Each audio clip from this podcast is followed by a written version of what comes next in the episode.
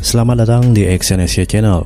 Kali ini saya akan membacakan salah satu artikel dari entrepreneurcamp.id dengan judul 7 tips kepemimpinan yang baik dalam lingkungan bisnis. Ketika Anda menjadi seorang pemimpin dalam sebuah bisnis atau perusahaan, Anda akan dituntut untuk dapat menjadi panutan yang baik bagi semua karyawan.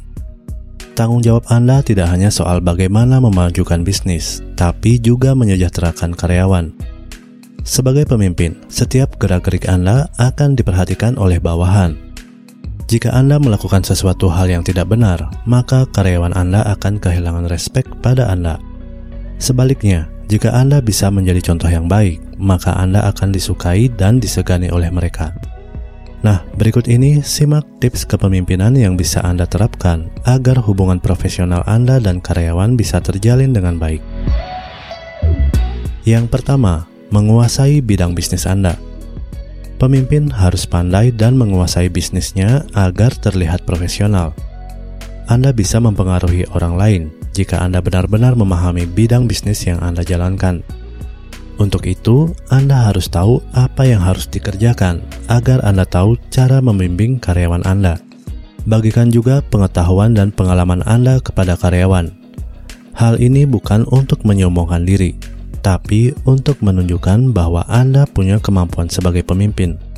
Mereka akan mendengarkan karena merasa kagum akan pencapaian Anda dan cara pandang Anda terhadap bisnis.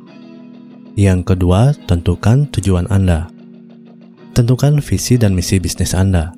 Dalam setiap proyek, jelaskan ekspektasi pada karyawan tentang target yang ingin dicapai. Hal ini akan membuat mereka lebih termotivasi dan serius dalam mencapai hasil kerja yang maksimal. Dengan memiliki tujuan, Anda juga bisa mengarahkan karyawan dalam setiap pekerjaan. Anda bisa membimbing dan mendorong mereka untuk menyelesaikan tugasnya. Pemimpin yang hebat dapat mempengaruhi karyawannya untuk bergerak ke arah pencapaian tujuan. Yang ketiga, perjelas aturan kerja.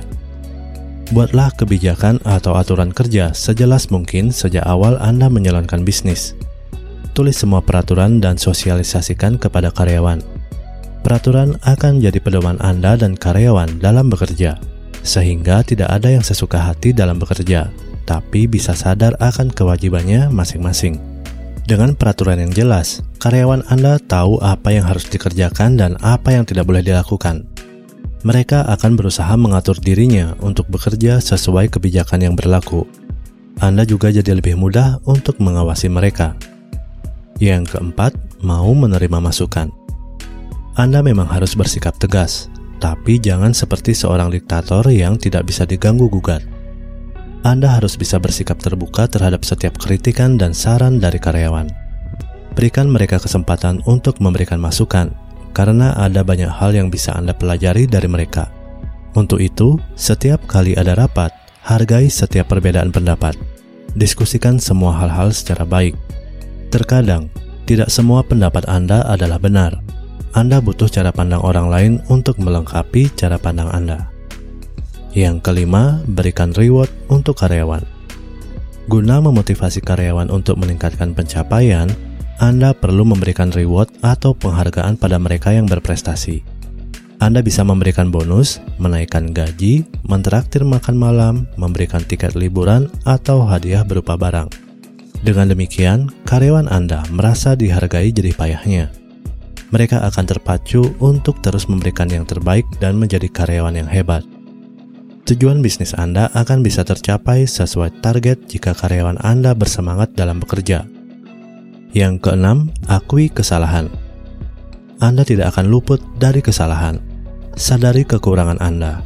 Tidak ada salahnya untuk meminta maaf kepada karyawan jika Anda melakukan kesalahan.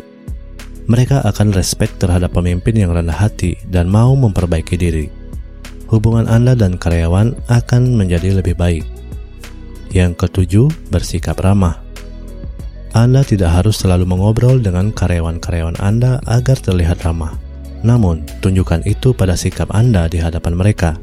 Misalnya, bersikap murah senyum dan menyapa karyawan Anda saat bertemu. Anda akan disukai oleh karyawan karena keramahan Anda membuat mereka nyaman bekerja dengan Anda.